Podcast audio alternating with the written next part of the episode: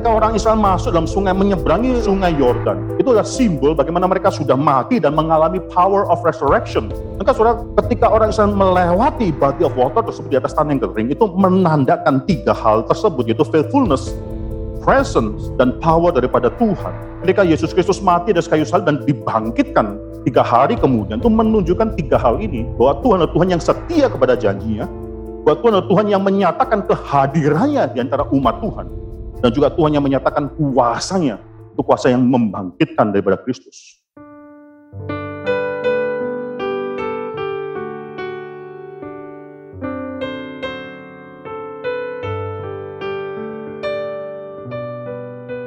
Hari ini kita akan bicara mengenai akhir daripada pelayanan Elia dan awal daripada pelayanan Elisa. Kalau kita membaca daripada dua raja-raja pasal yang kedua, Ayat yang pertama sampai dengan selanjutnya kita akan bertanggapan membacanya. Saya membacakan ayat yang ganjil, saudara semua membacakan ayat yang genap, dan kita akan bertanggapan terus sampai selesai. Demikianlah firman Tuhan.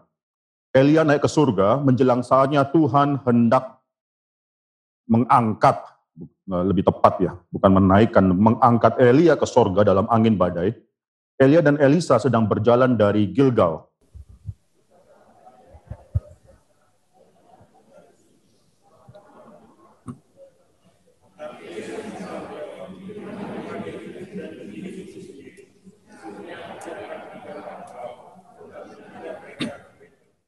Pada waktu itu keluarlah rombongan nabi yang ada di Betam mendapatkan Elisa. Lalu berkatalah mereka kepadanya, Sudahkah engkau tahu bahwa pada hari ini Tuhanmu akan diambil daripadamu oleh Tuhan terangkat ke surga? Jawabnya, aku juga tahu, diamlah.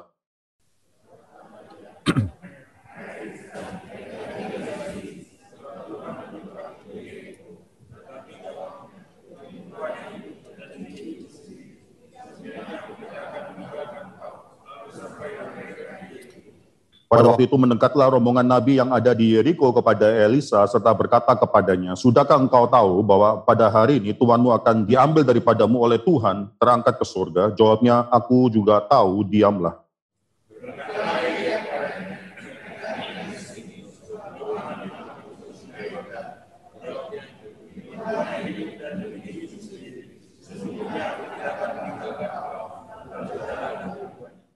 Lima puluh orang dari rombongan Nabi itu ikut berjalan, tapi mereka berdiri memandang dari jauh ketika keduanya berdiri tepi sungai Yordan.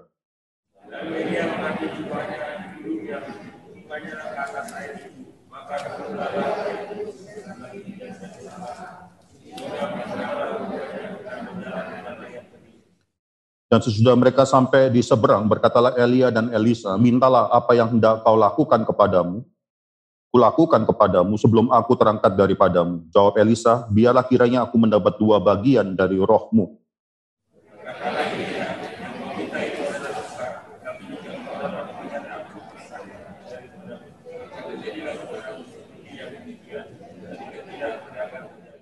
Sedang mereka berjalan terus sambil berkata-kata tiba-tiba datanglah kereta berapi dengan kuda berapi memisahkan keduanya.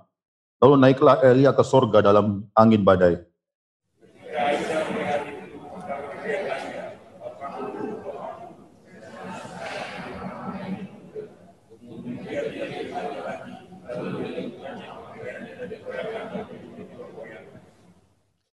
Sudah itu dipungutnya jubah Elia yang telah terjatuh, lalu ia berjalan hendak pulang dan berdiri di tepi sungai Yordan.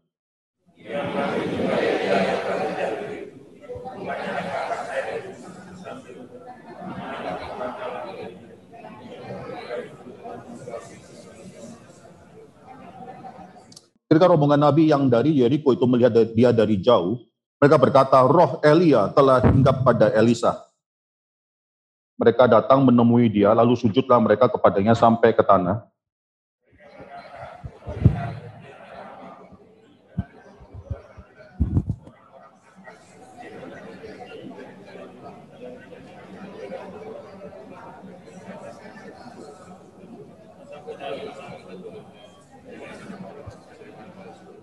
Tapi ketika mereka mendesak-desak dia sampai memalukan, maka berkatalah ia, suruhlah pergi, mereka menyuruh 50 orang, orang-orang ini mencari tiga hari lamanya, tetapi tidak bertemu dengan Elia.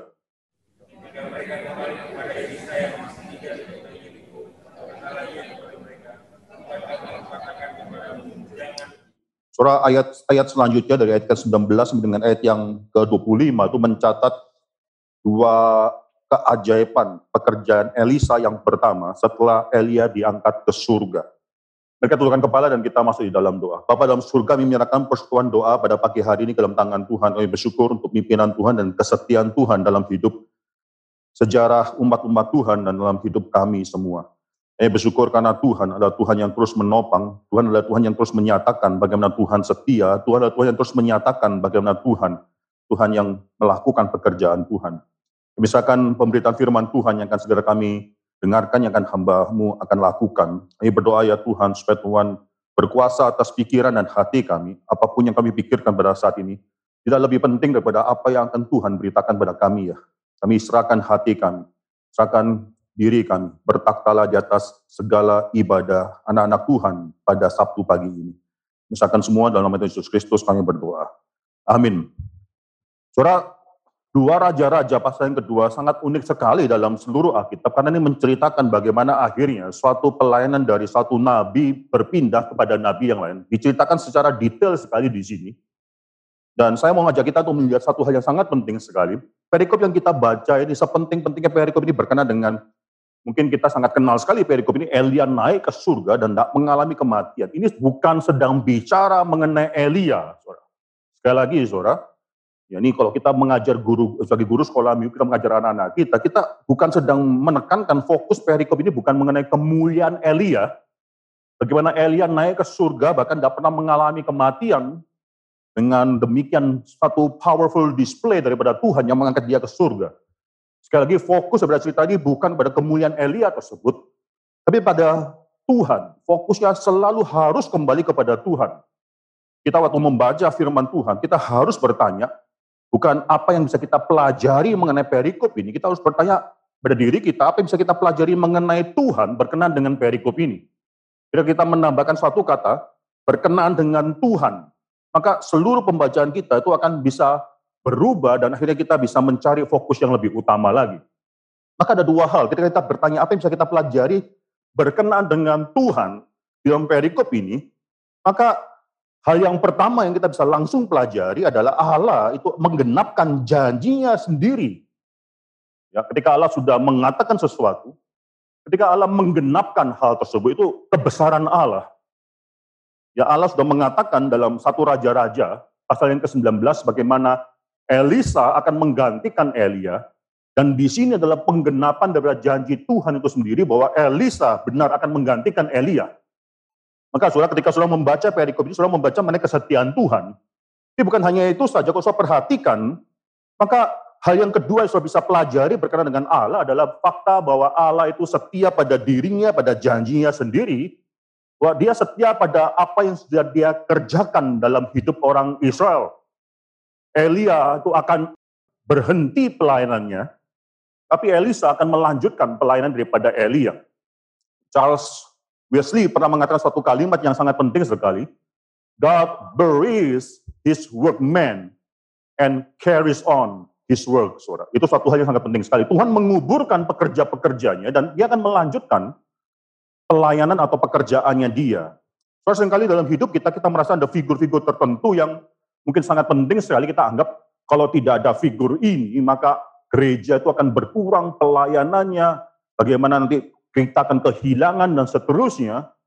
Tuhan mengatakan, aku akan menguburkan seluruh hamba-hambaku dan aku akan terus meneruskan pekerjaanku. Soal ini kita bisa lihat daripada hidup daripada Musa, kalau kita perhatikan, kalau kita buka ulangan. Ulangan pasal yang 34, ya pasal yang terakhir, ulangan pasal yang 34. So pasti bukan ditulis oleh Musa karena di sini mencatat mengenai kematian Musa. Usah perhatikan ayat yang kelima, pasal 34 yang kelima. Lalu matilah Musa, hamba Tuhan di sana di tanah Moab, sesuai dengan firman Tuhan. Ayat yang keenam itu sangat touching sekali. Dan dikuburkannya lah dia, Allah menguburkan Musa. Allah menguburkan Musa itu dicatat di dalam pasal 34 yang ke-6. Allah menguburkan Musa hambanya yang setia tersebut. Dan apa yang terjadi setelah itu? Apakah orang Israel lalu tiba-tiba hilang kepemimpinan? atau pekerjaan Tuhan akhirnya gagal karena Musa sudah meninggal. Tidak. Usah perhatikan dalam ayat yang ke-9, ulangan pasal 34 yang ke-9, dan Yosua bin Nun. Itu, itu kelanjutan daripada cerita daripada pekerjaan Tuhan. Ya God buries his workman and continues his work. Dan Yosua bin Nun penuh dengan roh kebijaksanaan. Itu dikatakan di sana. Saudara bisa melihat bagaimana Tuhan melanjutkan pekerjaan Tuhan. Demikian juga di dalam dua raja-raja pasal yang kedua, Elia diangkat ke surga, dia tidak lagi bisa bekerja melayani Tuhan dalam dunia ini. And yet, Tuhan sudah mempersiapkan Elisa untuk melanjutkan pekerjaan Tuhan yang besar itu. Saudara. So ada banyak hal yang bisa kita pelajari di sini mengenai kesetiaan daripada Tuhan. Kalau perhatikan di sini, kalau bisa melihat, nanti kita akan singgung belakangan, saudara, bagaimana ada empat nama tempat yang disebutkan di sini, yaitu Gilgal, lalu Bethel, lalu Jericho, dan Sungai Yordan, saudara. Soalnya ini banyak komentator yang memikirkan mengenai ayat eh, kota-kota atau tempat-tempat ini. Gilgal agak sulit karena Gilgal itu sana kan letaknya salah di sini. Tapi ini empat nama ini adalah berkaitan sangat berkaitan erat sekali dengan ketika orang Israel masuk tanah perjanjian. Di bawah Yosua mereka masuk, mereka menyeberangi sungai Yordan tersebut, mereka akan berkemah pertama kali nanti di Gilgal. Di sana mereka akan disunatkan. Saya akan uh, ceritakan mengenai hal tersebut. Setelah di situ sudah terjadi, mereka akan mengalahkan Yeriko. Lalu setelah Yeriko, mereka akan disebutkan mengenai battle, saudara. Saudara perhatikan urutannya sebenarnya adalah Yordan, Gilgal, Yeriko, baru battle. Kata Gilgal di sini itu disebutkan yang pertama, Gilgal, Battle, Yeriko, dan Yordan. Dan yang lebih sulit lagi adalah ayat yang kedua, saudara. Bisa dikatakan lalu pergilah mereka ke Betel. Dalam bahasa aslinya tuh dari Gilgal mereka turun ke Betel. Bukan cuma pergi ke Betel, tapi mereka turun ke Betel. Seharusnya secara geografis, Yordan, Gilgal, Jericho, Betel. Kalau sini dikatakan Gilgal lalu itu udah bukan turun, itu malah naik seharusnya. Jadi menimbulkan suatu kesulitan. Banyak orang pikir kembali ini Gilgal-Gilgal yang lain ya. Tapi bagi saya, saudara, pengertian yang penting adalah keempat nama ini, nama tempat ini dikaitkan dengan pengalaman daripada orang Israel ketika masuk ke dalam tanah perjanjian. Jadi kalau bicarakan mengenai apa arti empat nama tempat ini. Saudara saya akan melihat suatu hal yang penting bahwa pada akhir pelayan daripada Elia dan awal pelayan daripada Elisa itu dikaitkan sangat erat dengan pekerjaan Tuhan sebelumnya. Itu dengan hidup daripada orang Israel. Itu konotasi sangat erat sekali bagaimana sanakan narator di sini yang menuliskan kitab dua raja-raja ini mau mengatakan bahwa hidup daripada pelayanan Elia dan Elisa lepaskan daripada Tuhan sudah pernah bekerja sebelumnya. Maka sekali lagi saudara ini perikop menceritakan pada kita mengenai Tuhan yang faithful dengan dirinya sendiri. Tuhan mau mengatakan bagaimana Tuhan bekerja sebelumnya, dia juga bekerja pada saat ini. So kita perhatikan daripada hidup daripada Elisa. Elisa sudah tahu, Elia dan Elisa sudah tahu bahwa Elisa akan menggantikan pelayanan Elia. And yet, menarik sekali Elisa tidak mau meninggalkan Elia. Tidak ada satupun keinginan, satu kali pun keinginan daripada Elisa untuk meninggalkan Elia. Maka dia mau melihat sampai titik akhir daripada hidup daripada Elia. Berkali-kali Elia mengatakan kepada Elisa, sudah sekarang tinggallah di sini, saya mau pergi ke tempat yang lainnya. Ya, di Gilgal dia katakan saya mau pergi ke Betel. Di Betel dia katakan saya mau pergi ke Jericho. Di Jericho kata saya mau pergi ke Yordan. Saya tinggallah di sini. Dan saudara bisa melihat bagaimana Elisa itu ngotot jawabnya sama. Saudara melihat dari ayat yang kedua, saudara. Elisa menjawab, demi Tuhan yang hidup dan demi hidupmu sendiri, sesungguhnya aku tidak akan meninggalkan engkau. Jadi jawaban yang diulangi terus sama, saudara. Demi Tuhan yang hidup dan demi hidupmu sendiri. Sesungguhnya aku tidak akan meninggalkan engkau. Berkali-kali Elisa ada kesempatan untuk disuruh, sekarang nggak ada hubungannya. Sekarang saya akan terangkat ke surga, tidak ada hubungannya dengan engkau. Kalau kamu tinggal di sini, tapi Elisa tidak mau. Elisa mau sampai akhir melihat. Satu suatu hal yang sangat menyentuh sekali bagaimana Elisa ngotot untuk bisa mendampingi Elia sampai dia mati. Walaupun dia sudah tahu bahwa dia diangkat menggantikan Elia. Elia juga tahu bahwa Elisa sudah diangkat oleh Tuhan untuk menggantikan Elia sendiri. Tapi di sini dia mau untuk melihat sampai titik akhir. Apa yang terjadi saya rasa, saudara, ada suatu kedekatan daripada Elia dan Elisa. Elisa itu bukan cuma apprentice daripada Elia saja. Tidak, dia tuh memanggil, nanti kalau perhatikan ya ayat yang ke berapa ini ke-12. Dia panggil Elia itu sebagai bapakku. My father, my father. Ketika Elia terangkat ke surga, dia demikian sedih dan saudara bisa melihat bagaimana dia mengoyakkan bajunya sendiri. Dan akhirnya Elia berpisah dengan dirinya. Dia kesedihan yang demikian mendalam. Dan satu hal yang sangat dekat sekali antara Elia dan Elisa. Soal hal ini mungkin tidak dialami oleh guru dan murid pada zaman ini. Pada zaman dulu, saudara, antara master and disciples, disciple itu melihat bukan cuma knowledge daripada si master guru, tidak. Tapi hidup daripada si guru itu sangat penting sekali. Saudara bisa melihat bagaimana Plato itu mengetahui hidup daripada Socrates. Itu bukan waktu dia hidup, bahkan sampai titik habis kehidupannya dia.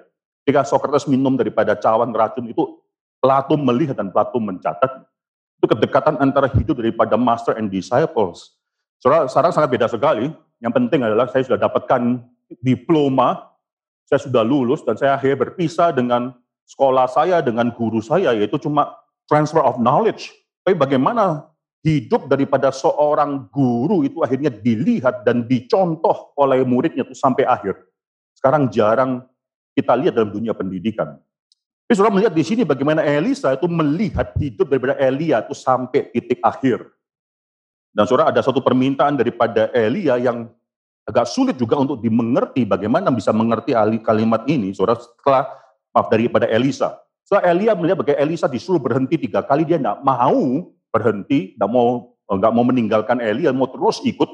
Lalu Elia mengatakan satu kalimat ayat yang ke sembilan itu dia tahu bahwa Elisa mendampingi dia dan dia berkata ayat ke-9, setelah mereka sampai ke seberang, berkatalah Elia kepada Elisa, mintalah apa yang hendak kulakukan kepadamu sebelum aku terangkat daripadamu.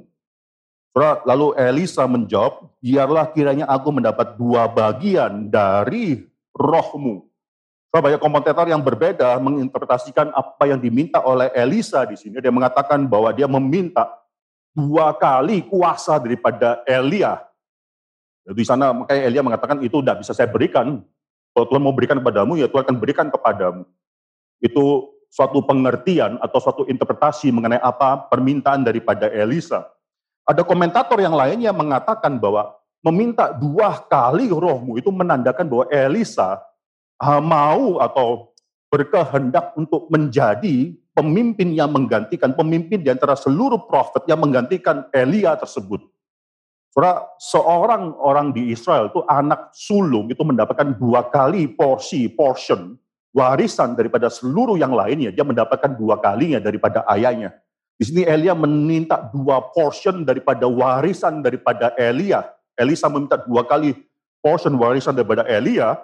Dan di sini Elia mengatakan, mengenai hal itu saya tidak bisa mengabulkannya, itu kalau engkau akan dapatkan, kau akan dapatkan. Soalnya bukan Elisa berkehendak untuk mendapatkan posisi yang penting, Saya akan melihat bagaimana nanti mendapatkan suatu kepemimpinan dari seluruh profet-profet yang ada. Itu menunjukkan bahwa Elisa sudah ready untuk harus melayani Tuhan dua kali. Lebih tanggung jawab Elisa, dia tahu dia harus dua kali lebih daripada yang lainnya. So di tengah-tengah suatu zaman di mana Israel itu adalah negara umat Tuhan yang sudah melawan Tuhan, meninggalkan Tuhan, meneruskan pelayan daripada Elia, itu bukan suatu hal yang mudah. Elisa tahu akan kesulitan yang harus dia tanggung, tapi dia mau. Dan nanti saudara, saudara bisa melihat bagaimana ketika Elisa nanti sudah kembali dan membuka sungai Yordan tersebut. Nanti semua sons of the prophets, bukan rombongan nabi, saudara, tapi anak-anak daripada nabi. Jadi ini mungkin ada school of prophets, prophets tertentu ini adalah sons of the prophets. Mereka waktu melihat hal tersebut dan mereka akan mengakui ayat yang keempat, eh, 15. Roh Elia telah hinggap pada Elisa. Di sana mereka mengakui bahwa di antara seluruh nabi-nabi yang ada, paling tidak di dalam kelompok mereka, Elisa adalah pemimpin. Itu suatu yang sangat penting sekali. Terus sekali lagi ini bukan suatu desire Elisa ingin mendapatkan posisi, enggak. Elisa ingin melanjutkan pelayanan daripada Elia. Dia tahu bagaimana Elia pernah despair dalam hidup dia. Bagaimana Elia pernah mau minta mati di hadapan Tuhan. Bagaimana Elia merasa loneliness macam demikian. Saya tahu, saya percaya, saudara. Dia mengetahui semua hal ini, and yet dia mengatakan, saya mau melanjutkan. Saya mau mendapatkan beban tersebut. saya mau mendapatkan tanggung jawab double atas pelayanan daripada seluruh orang Israel. Di sini, saudara, saya rasa itu suatu ambisi yang kudus di hadapan Tuhan. So, kalau kita baca satu Timotius, coba kita buka satu Timotius. Satu Timotius pasal yang ketiga, itu ayat yang pertama, itu sering kali banyak salah orang salah mengerti mengenai hal ini. Benarlah perkataan ini, orang yang menghendaki jabatan penilik jemaat. Ada bahasa Indonesia, eh, bahasa Inggrisnya, those who aspire Ya, orang yang menghendaki, merindukan. Ini bukan orang dalam gereja yang mengharapkan suatu jabatan, posisi yang penting dalam gereja, bukan. Tapi orang yang tahu bahwa ada suatu panggilan, ada suatu tanggung jawab lebih yang harus dia lakukan. Di gereja perlu ada semacam orang semacam demikian. Bukan cuma hamba-hamba Tuhan yang mendapatkan panggilan untuk melayani gereja Tuhan. Tapi bahkan nanti penatua awam dan kita bisa katakan diaken dan seterusnya itu yang aspire, menginginkan jabatan tersebut bukan karena ambisi yang jahat, bukan, tapi ambisi yang holy di hadapan Tuhan. Itu karena dia tahu ada tanggung jawab yang dia double yang harus dia lakukan. Maka di sini saudara saya percaya itulah yang dirasakan oleh Elisa pada saat ini. Saya mau meneruskan pelayanan pada Elia walaupun sulit. Dia akan berhadapan dengan raja Israel yang melawan Tuhan. Dia harus dengan keberanian melawan raja-raja yang melawan Tuhan tersebut. Dia akan melanjutkan pelayanan Elia di sini. So, satu yang sangat unik sekali menunjukkan bagaimana pada saat Elia naik ke surga, Elia, saya percaya Elia, Elisa tahu mengenai bagaimana Elia akan sebentar lagi diangkat ke surga. Tapi bukan cuma mereka, Elia, saya percaya Elia tahu.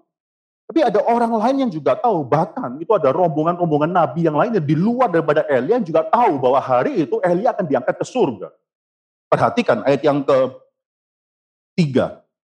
Keluarlah suatu rombongan nabi dari Bethel mendapatkan Elisa atau sons of the prophets, anak-anak daripada nabi-nabi, school of nabi, saudara ya.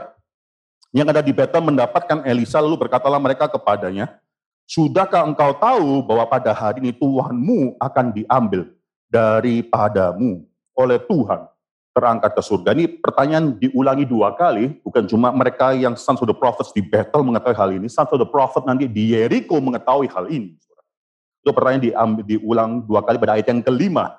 Sudahkah engkau tahu bahwa pada hari ini Tuhanmu akan diambil daripadamu oleh Tuhan terangkat ke surga. Jadi selain Elia tahu, orang lain tahu dan saya percaya Sons of the Prophets di Bethel dan Sons of the Prophets di Jericho ini dua grup yang berbeda, tapi juga Elisa tahu. Elisa selalu menjawab dengan kalimat yang sama yaitu jawabnya aku juga tahu. Diamlah. So, itu menunjukkan suatu hal di mana Elisa mengatakan tidak sopan bicara mengenai hal ini ketika Elia masih hidup. Tapi lebih daripada itu ada suatu mungkin perasaan suatu kesedihan daripada Elisa bahwa dia sebentar lagi akan berpisah dengan Elia. Dia tahu dia akan berpisah. Diamlah. Sampai ayat yang ke-11, 12 sekali lagi ketika ada ayat 11 mengatakan kereta berapi dengan kuda berapi memisahkan keduanya. Lalu Elia naik ke surga Elisa melihat hal itu berteriak, My father, my father, bapakku, bapakku, kereta Israel dan orang-orang yang berkuda. Suatu, coba kita buka ya, nanti Raja Yoas pada saat Elisa mati akan mengulangi kalimat yang sama, kalimat ini. Satu, maaf, dua Raja-Raja pasal 13, dua Raja-Raja pasal yang ke-13, ayat yang ke-14.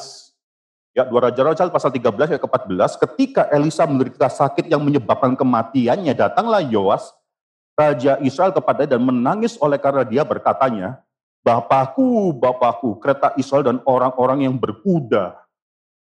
Pada saat itu tidak ada kereta Israel dan yang berapi itu pun tidak ada.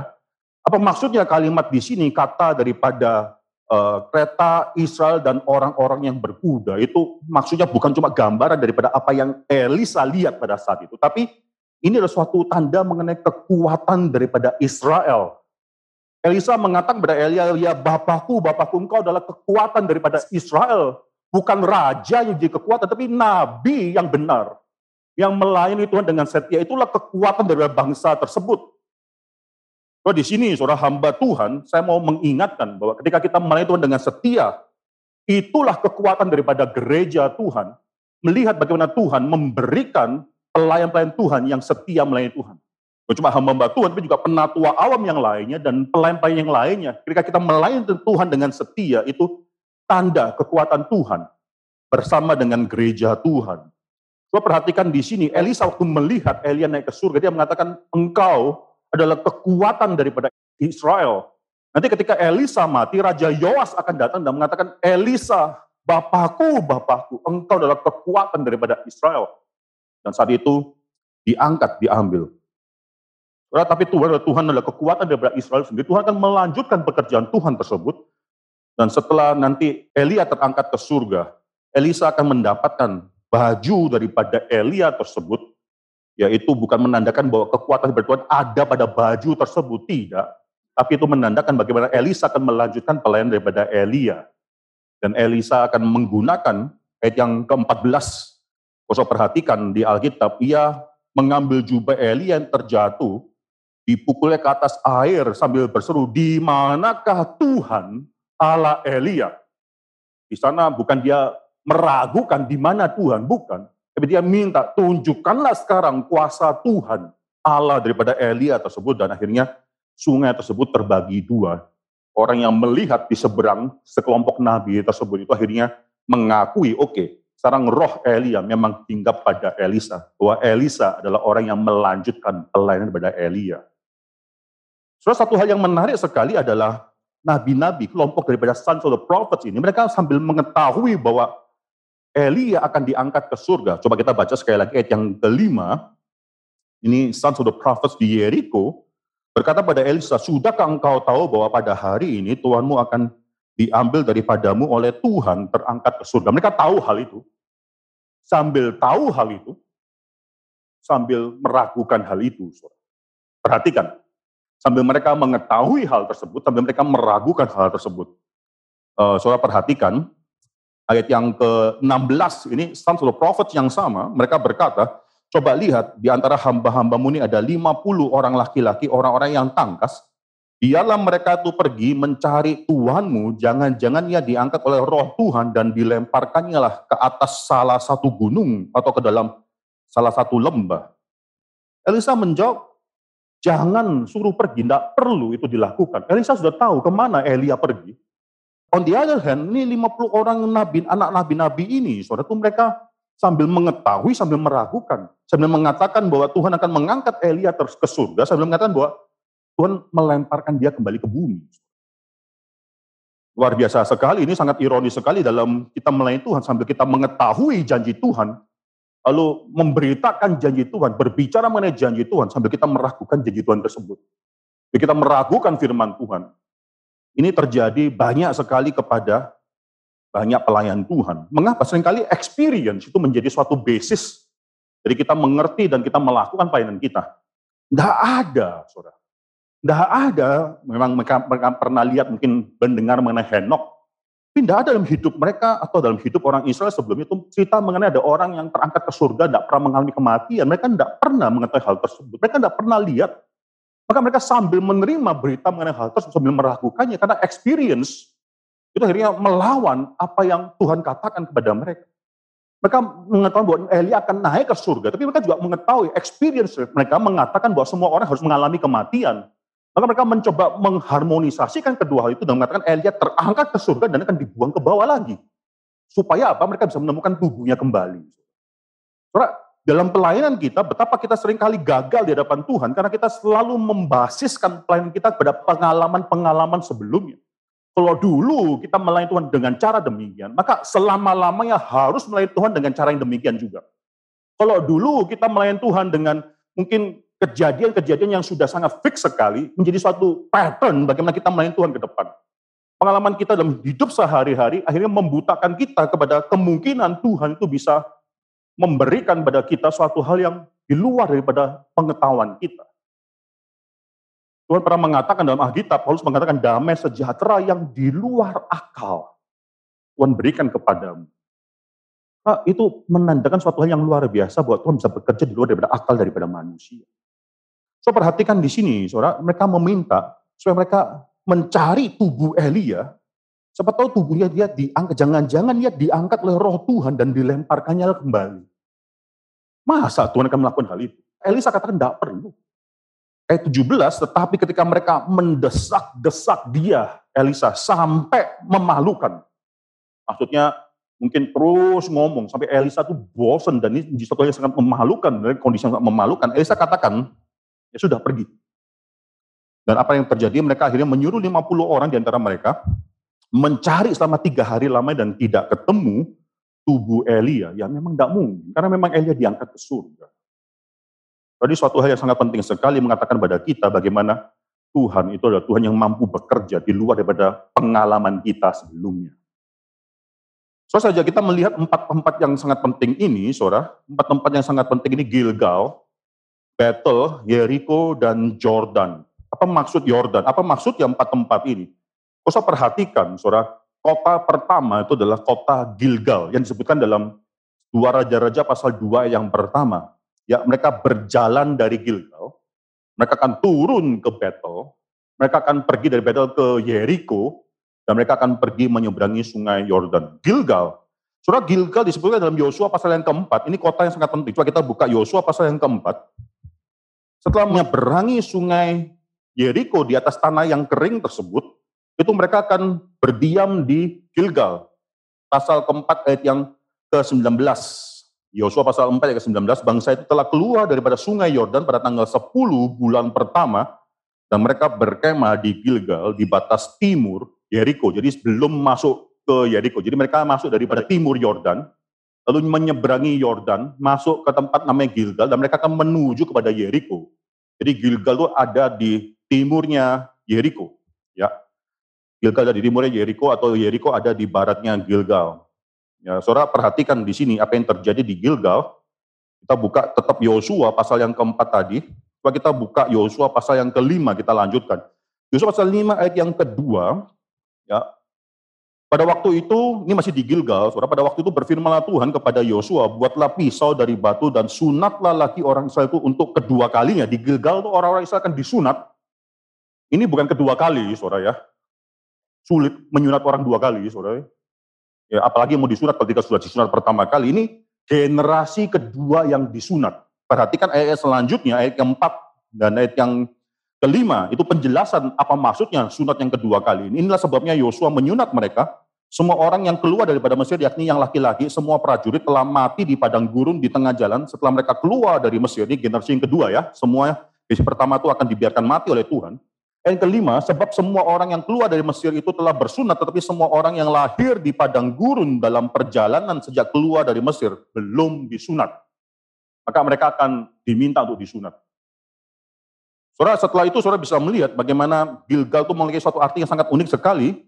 Saudara perhatikan ayat yang ke-11, 12, pada saat mereka sudah menyeberangi sungai Yordan dan masuk ke tanah kanan di Gilgal, ayat 11 saya bacakan, lalu pada hari sesudah pasca mereka makan hasil negeri itu, yakni roti yang tidak beragi dan bertigandum pada hari itu juga, lalu berhentilah mana itu pada keesokan harinya setelah mereka makan hasil negeri itu.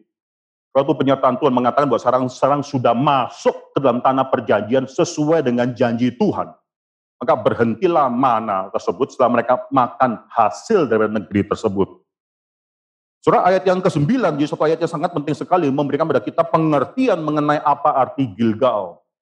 Ayat ke-9, surah, dan berfirmanlah Tuhan kepada Yosua, hari ini telah kuhapuskan celah Mesir itu daripadamu.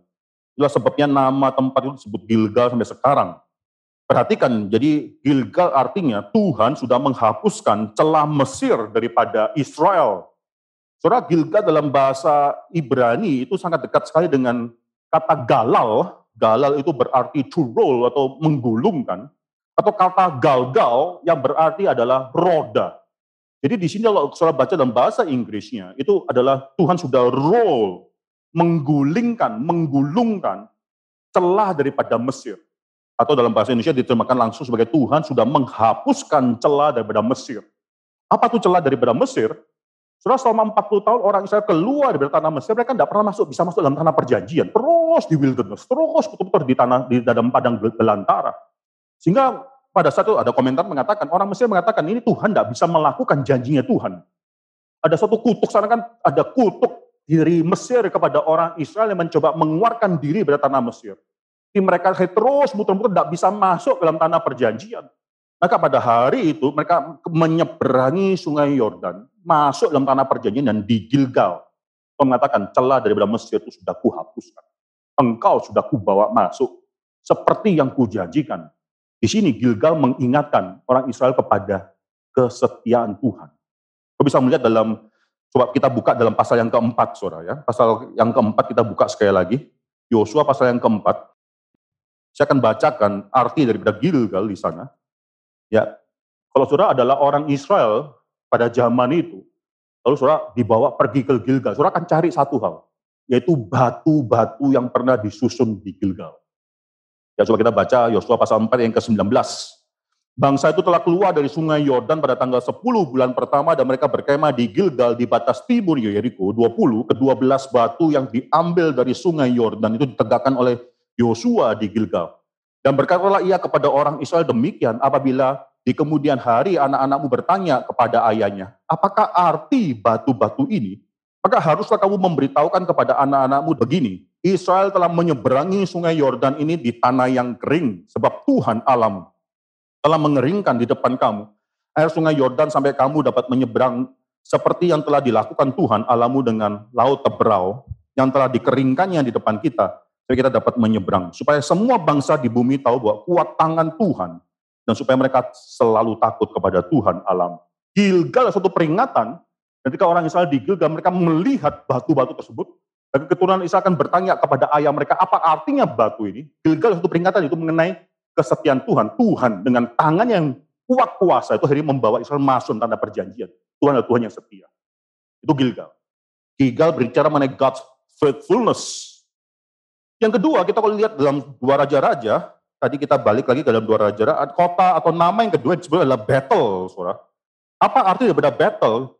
Saudara ingat orang yang memberikan pertama kali nama battle ini di dalam kejadian pasal yang ke-28 yaitu Yakub sebelum keluar dari tanah perjanjian karena dia melarikan diri daripada Esau yang ingin membunuh dia karena Yakub terus berbohong mengambil hak sulung Esau mengambil berkat sulung daripada Esau itu Esau ingin membunuh Yakub dan akhirnya Yakub pada malam dia keluar dari tanah perjanjian sebut dia akan tinggal atau singgah di battle di sana nanti Tuhan akan berbicara kepada dia dan Bethel, itu dia memberikan nama Bethel karena dia tahu in the presence of God is here. Ini adalah rumah daripada Tuhan. Bethel, rumah daripada Allah. So, Bethel di dalam kitab Hakim-Hakim adalah tempat di mana tabut perjanjian itu diletakkan. Bethel itu menyatakan benar-benar adalah tempat kehadiran daripada Tuhan. Saudara masih ingat tabut perjanjian itu menyatakan mengenai kehadiran daripada Tuhan dan tabut itu ditaruh di Bethel sebelum ada istana, ibu kota, dan seterusnya. Betel di tempat di mana tabut perjanjian itu diletakkan. Betel menunjukkan mengenai penyertaan daripada Tuhan, mengenai God's presence. Tadi kalau Gilgal menunjukkan mengenai God's faithfulness, maka Betel bicara mengenai God's presence. Itu simbolis daripada kota Betel. So, bagaimana dengan Jericho? Itu setelah Gilgal lalu turun ke Betel, lalu mereka pergi ke Jericho. Coba kita buka Yosua Saudara tahu mengenai Yeriko dan bagaimana orang Islam mengalahkan tembok Yeriko tersebut dengan cuma berputar saja. So harus perhatikan satu hal, mereka bukan cuma berputar-putar saja, mereka sebenarnya tidak bisa perang di Yeriko, maka baru disunat di Gilgal. Orang Israel ini yang semua ini baru disunat di Gilgal, mereka tidak bisa berperang melawan Yeriko, maka Tuhan menyuruh, gak usah perang, saya akan perang di depan kamu. Maka Tuhan mengatakan, cuma putar jalan saja, jalan pun mungkin susah. Apalagi harus angkat pedang dan harus berperang nanti. Itu Tuhan katakan bukan dengan your might aku mengalahkan Jericho, Jericho kan ditaklukkan by my might dengan cuma berputar saja. Dan saya percaya Tuhan sengaja menggunakan satu episode di Gilgal untuk menyunat orang-orang Israel supaya tahu bahwa mereka tidak bisa melakukan apa-apa. Salvation truly belongs to the Lord. Itu suatu tanda bahwa mereka bukan karena usaha mereka, bukan karena kekuatan mereka, mereka bisa mengalahkan daripada Jericho. Baru berapa lama sebelumnya, kita nggak kasih tahu soalnya dari Gilgal ke Yeriko itu berapa lama, tapi saya rasa tidak terlalu lama. Mungkin cuma berapa hari kemudian, itu perasaan sakit pasti masih ada, dan akhirnya membok Yeriko tersebut jatuh karena kekuatan daripada Tuhan. Maka saudara Yeriko itu menandakan God's power, kekuatan daripada Tuhan, bukan kekuatan daripada manusia. Orang Israel yang keluar dari tanah Mesir, mereka tidak tahu berperang dengan Yeriko, caranya bagaimana, itu tembok terlalu besar. Maka di sini Yeriko menunjukkan bahwa ada God's power yang memimpin mereka. So, tiga tempat ini sangat penting sekali menunjukkan God's faithfulness, Gilgal, God's presence, battle, dan God's power itu di Yeriko. Soalnya ada orang yang menginterpretasikan lalu yang keempat artinya yang ini, jadi ada empat ada empat hal. Bagi saya tidak tiga hal ini nanti dirangkumkan di dalam satu yaitu menyeberangi sungai Yordan. Sungai Yordan menyeberangi sungai Yordan itu menunjukkan tiga hal ini, God's faithfulness, God's power, and God's presence yang membuat akhirnya sungai Yordan itu terbuka. God's faithfulness itu membawa mereka ke sana. God's presence membuka sungai, God's presence and God's power itu membuka sungai Yordan tersebut.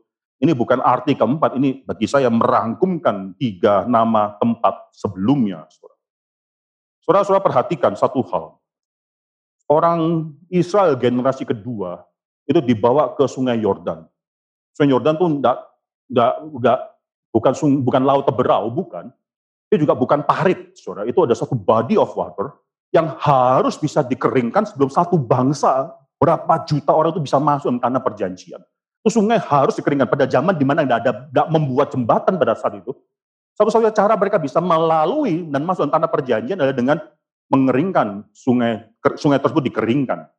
Dan Tuhan akhirnya menggunakan satu cara yang luar biasa menunjukkan dia punya kekuasaan dengan mengeringkan sungai Yordan. Generasi kedua mengalami apa yang dialami oleh generasi yang pertama itu melihat bagaimana suatu air terbelah. Dan mereka berjalan di atas tanah yang kering. Membelah body of water tersebut itu sudah ada satu miracle. Berjalan di atas tanah kering itu another miracle itu sungai sudah atau laut teberal sudah berapa lama ada air di atasnya. Kenapa bisa kering? Dan mereka berjalan di atas tanah yang kering. So kedua hal ini terkonek, saudara, satu yang lainnya. Dalam satu Korintus, coba kita buka satu Korintus pasal yang ke-10. Satu Korintus pasal yang ke-10, ayat yang pertama, yang kedua, saya bacakan bagi saudara. Aku mau supaya kamu mengetahui saudara-saudara bahwa Nenek moyang kita semua berada di bawah perlindungan awan dan mereka bahwa mereka semua telah melintasi laut untuk menjadi pengikut Musa. Mereka semua telah dibaptis dalam awan dan dalam laut. Atau mungkin translation lainnya mereka telah dibaptis ke dalam Musa. Baptized into Moses. Moses jadi suatu figur mediator yang mendahului Kristus. Maka di mereka dibaptis di bawah pemimpin daripada bangsa tersebut. Nanti kita juga dibaptis masuk ke dalam Kristus yang adalah mediator yang membawa kita keluar kepada keselamatan yang kekal, saudara. Maka saudara perhatikan di sini, ketika mereka menyeberangi laut kosong tersebut, itu adalah suatu gambaran bahwa mereka mengalami baptisan. Mengalami baptisan, saudara. Dan saya percaya, saudara, ketika generasi yang kedua menyeberangi sungai Yordan tersebut adalah suatu simbol berkenaan dengan baptisan. So, baptisan adalah satu simbol berkenaan dengan kematian dan kebangkitan. Ketika kita dibaptis, itu kita dibaptis, kita menyatakan kepada dunia bahwa kita sudah mengalami kematian dan kita menerima kebangkitan kepada Kristus. Maka ketika orang Israel masuk dalam sungai menyeberangi laut Kolsom atau menyeberangi eh, sungai Yordan, itu adalah simbol bagaimana mereka sudah mati dan mengalami power of resurrection. Maka saudara, ketika orang Israel melewati body of water tersebut di atas tanah yang kering, itu menandakan tiga hal tersebut, yaitu faithfulness, presence dan power daripada Tuhan. Ketika Yesus Kristus mati dari kayu salib dan dibangkitkan tiga hari kemudian, itu menunjukkan tiga hal ini, bahwa Tuhan adalah Tuhan yang setia kepada janjinya, bahwa Tuhan adalah Tuhan yang menyatakan kehadirannya di antara umat Tuhan, dan juga Tuhan yang menyatakan kuasanya, itu kuasa yang membangkitkan daripada Kristus. Ketika orang Israel sudah lewat laut-laut teberau, mereka masuk lagi ke dalam tanah Israel melewati sungai Yordan, Tuhan akan pimpin mereka masuk dalam tiga tempat ini, Gilgal, Jericho, dan Bethel. Menyatakan bagaimana Tuhan adalah Tuhan yang setia, Tuhan yang bersama dengan mereka, dan Tuhan yang menyatakan kuasa di tengah-tengah mereka. Bahwa inilah tanda bagaimana kita harus mengalami pelayanan kita harus melalui semua hal ini. Tidak cukup bagi kita untuk mengatakan bahwa saya sudah mengerti firman Tuhan, tapi deny its power. Berarti orang-orang nabi-nabi tersebut sudah mengalami mendengarkan firman Tuhan, and yet meragukan firman Tuhan tersebut. Satu hal yang sangat tidak mungkin harus terjadi dalam hidup orang-orang atau pelayan-pelayan Tuhan. Kita yang adalah pelayan Tuhan, kita dituntut oleh Tuhan untuk merayakan atau merasakan, menikmati, membuktikan ketiga hal ini berkaitan dengan Tuhan. Itu Tuhan adalah Tuhan yang setia. Tuhan adalah Tuhan yang hadir dan Tuhan adalah Tuhan yang berkuasa. Itulah tanda daripada pelayan Tuhan. Ya, seluruh pelayan Tuhan dan semua umat Tuhan menikmati tiga hal ini dalam hidup kita. God's faithfulness, God's presence, and God's power. Mari kita tundukkan kepala dan kita masuk dalam doa. Kami bersyukur kepada Tuhan untuk semua pembentukan daripada Tuhan atas diri kami. Bersyukur untuk firman Tuhan yang sudah kami dengarkan ini. Berdoa kiranya Tuhan menyatakan pada diri kami, bagaimana Tuhan adalah Tuhan yang setia, bagaimana Tuhan adalah Tuhan yang berkuasa, dan Tuhan adalah Tuhan yang selalu hadir. Kami berdoa untuk semua daripada kami yang mungkin mengalami kesulitan dalam hidup, mengalami duka, yang memerlukan kekuatan daripada Tuhan dalam melayani Tuhan. Seluruh hamba Tuhan di Geri Karawati dan seluruh pelayan-pelayan Tuhan, penatua awam, dan semua orang yang akhirnya memperhatikan jemaat saudara yang lain. Mereka memerlukan kekuatan daripada Tuhan, mereka memerlukan pengertian bagaimana Tuhan adalah Tuhan yang setia, dan terlebih lagi kami semua memerlukan bagaimana Tuhan itu hadir di tengah-tengah kami. Misalkan khotbah-khotbah berkenaan dengan Elia dan Elisa selanjutnya dalam tangan Tuhan. Dalam nama Yesus Kristus kami berdoa dan mengucap syukur. Amin.